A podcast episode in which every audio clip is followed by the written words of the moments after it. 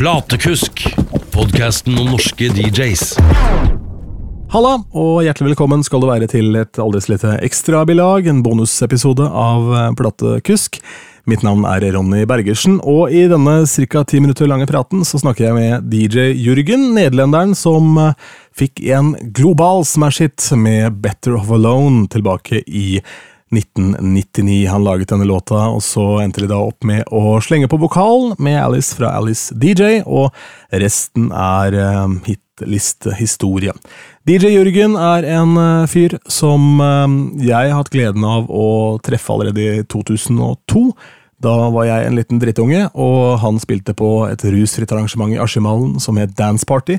Hvorpå jeg da endte opp med å bli hans eh, artistkontakt, kaller det blant eh, kidsa, og brakte han pølser og en cola i ny og ne. Det var eh, min oppgave der, men han var en ekstremt hyggelig og og ålreit fyr også den gangen. Og så booket jeg han til en gig ja, ti år etterpå, og nå er det ti år siden det igjen, og hentet han tilbake til Askim. Og vi sitter da på, på kjøkkenet på Sir James, på bakrommet der, og tar en prat. Dette skjer etter etter gig. Klokka er eh, nærmere halv fire, kvart på fire på natta, tenker jeg. Eh, og um, vi har begge to vært eh, nede i henholdsvis vodka Farris i Jørgens tilfelle, og noen øl i mitt tilfelle, så kan denne praten bære noe preg av det, men det skal i hvert fall være mulig å skjønne hva vi snakker om her. Dette er ikke noe banebrytende greier, men det er en hyggelig prat med en hyggelig fyr som har vært rundt og sett ekstremt mye og opplevd mye i sin karriere. Så her er min lille prat med DJ Jørgen. Jeg hadde for øvrig også da glemt at denne oppdageren må armeres først, så du må altså trykke to ganger på record for å sette den i gang. Men eh, det fant jeg ut etter hvert, så det blir litt sånn in medias res her. Du kommer rett inn i samtalen som Jørgen og undertegnede har på Sir James i Sandvika natt til søndag i helgen som var. God fornøyelse. When house music came along in 91, I started playing house music and I quit with radio. I started up with radio in 2005, I think. It's my second love, you know. Uh, I, I, love playing and radio is my second love.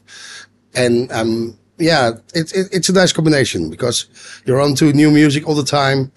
And um, yeah, I like, like to host a radio show.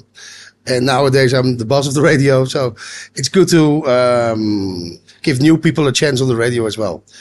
Uh, a lot of new kids want to be a DJ like me on, in clubs. But yeah, it, it's also nice to be a radio DJ. Yeah. What kind of gigs do you do back in Holland now? You don't travel that much as you used to.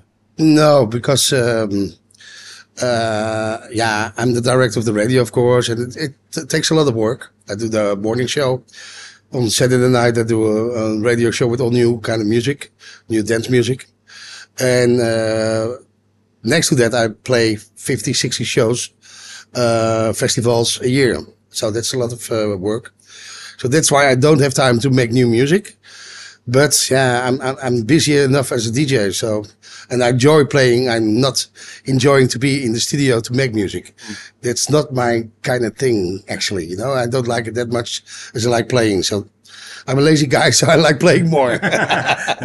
But how do you stay on top of new music? Because it's it's a complete jungle. It's so many tracks uh, released yeah. every week on Spotify. Every day it's like a hundred thousands. I'm, I'm, lucky enough to have a team of people who uh, listen to all the new music that came out every week.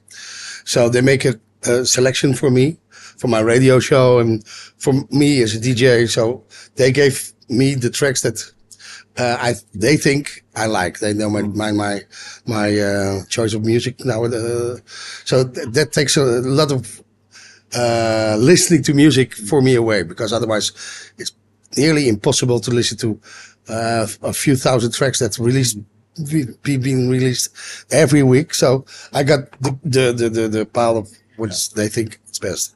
That, that's a big difference uh, between DJing back in the day because then you had the records you had, but now it's to find the good records yeah, in, got, in old music. Yeah, but, but, back in the days with vinyl, the record store uh, sales guy did the same for me as well. You know, there, there a lot of hundreds of tracks coming out, and they knew Jurgen likes this, and this is. Uh, I only have one or two copies of this, so they give it to me, yeah. so I can play it as first. So there was always taking care of me, even with records uh, as well. Yeah.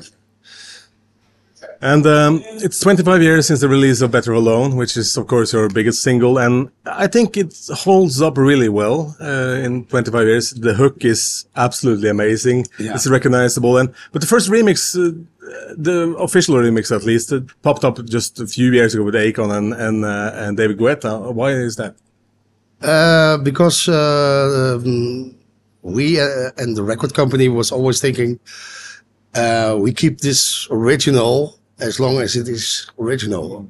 If everybody's got to make a remix, remix, remix out of it, then the original song is going to be Yeah. uh, Gonna fade out. yeah, gonna fade out. This year, because of 25 years, we we, we did uh, uh, give permission to Nicki Minaj and Alan Walker. Uh, Ima- imagine saying that sentence. I gave permission to Nicki Minaj and Alan Walker. yeah, yeah, yeah. They have to get permission for Yeah, it. it's just crazy. Yeah. yeah. And uh, I think because everybody's now making a remix, and I did never did it myself. So uh, I spoke to uh, the guy who was I was working with. He said, "Yeah, we have to do it uh, this year."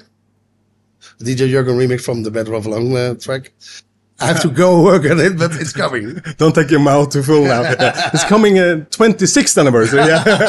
yeah. When you made that track, uh, did you feel that you had something special right away, no, or no, not not right away because we made a few tracks to start with, and um, I tried them out in the Escape. That was my regular night on Sunday night in the Escape in Amsterdam, and um, I played a few.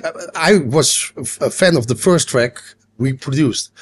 But nobody rea- did any reaction on that track, and then I played Better Off Alone, which I was thinking, eh, maybe it's a little bit too German. I was thinking that, Yeah. and, and it was not no, with, without vocals. So I tried it out, and everybody went crazy when I played that track the first time in Escape. And then I thought, okay, this is going to be my new single. And then we put on some vocals on it, and it we we yeah we we just thought it's a nice club track. But I never expected that it's going to be uh, number one in I think 80 countries. yeah. Yeah. you have been doing this your whole life? Yeah. Course, have Yeah. yeah. It's um, I started when I was 12, and I'm doing this now for 44 years. so imagine how old I am. yeah, But still good looking though. Yeah. yeah. Thank you. Thank you. Yeah. Yeah, I was I, I was starting on the radio when I was 12, and uh, doing some uh, you know with the dri- mobile drive-in. I did some um, yeah Yeah. uh, weddings, and I, I started there with weddings and football canteens, and and um, yeah, moved on, on the radio and when and and road shows with a big uh, Dutch radio station. But when that, when house came on in in the nineties, in the early nineties, I yeah, moved over to house music. Yeah. Yeah, And then, then you just uh, follow the wave. yeah. So what's the biggest difference between playing uh, in uh, Norway and Holland? Mm, of course, everything in Holland is bigger because we have such big scene in Holland. You know, uh, um, yeah, and the, the the people here are more enthusiastic when I come, and they are partying harder than in Holland because of. Yeah, there. It's it, for us every weekend. You've got for five. It's normal and we get used to it. Uh, so maybe we get a little bit. Uh, what's what's the correct word in English? Uh, um, In, in Norwegian, it's uh, you call it blasert. You know? Yeah, yeah, blasé, blasé, yeah, yeah, blasé. yeah, yeah. So, So- it feels just like in any normal day. yeah, yeah, yeah. What would you like to say to um, the young DJs now wanting to become DJs and and do this as a craft? And uh, it's because it's easier than ever to become a DJ if a DJ is to mix two records together. But that's not DJing, right? Ja. That- yeah, in, in fact, it is to get the right track together, but to, to, to put the, the, the, the correct track after the right uh, track, you know, uh, you, of course you can make a good mix, but you can better make a bad mix and a good record than a very great mix and a bad record after the, the, the that, that's one thing. And yeah, I see a lot of DJs are too eager, uh, to, to get there, you know uh, stay humble and don't push too much to get where you want to be. Just start up with in the beginning of the evening, like I did. then make some good productions. That's very important nowadays to have good productions. And um, take your time. Don't hurry anything because, yeah, you can't be number one in in in, in a year. You know, it, it takes time, and you have to uh, go out and know some promoters and yeah, ask, be friendly, not to hey, let me play, let me play, and because I'm good. You know, I see a lot of DJs do that, Yeah. and that's not the way. You know, be humble and yeah, Be humble and, and speak to people and learn from everyone. yeah, yeah, yeah. yeah, that's we, the way. we are getting old, and we can learn from the young guys, and the young guys can learn from us. Yeah. Okay, before I let you go, we have to have one crazy DJ story. One crazy one, you know? One crazy DJ story. Wow. At this time of the night. I can tell you the funny story here in Norway. I was here in Norway in the 90s. You've got this big, big events that calls Hyperstate. It was huge. And uh, I was here with DJ Jan. Uh, DJ Jan is uh, having uh, a fear of heights. But the DJ booth was uh, in on um, the Elevated. elevator thing, yeah. So I said to these guys, "Hey, he's afraid of heights, so put him up as high as possible." so they put him up for the whole set, and he was he was terrified playing. yeah, yeah. All right, Jurgen, I'm going to send you away into the night. Thanks for coming back to Norway. Thank you very much for having me, and uh, I hope to co- be back soon. Yeah, let's not make it 10 years until No, next no, time. no, no. Yeah. Then I'll be old. yeah, and we will be uh, waiting for the remix of Yeah, yeah, yeah. Probably now, I'll I have to do it this year. Yeah. Thank you. Du har hørt Platekusk, podkasten om norske DJs.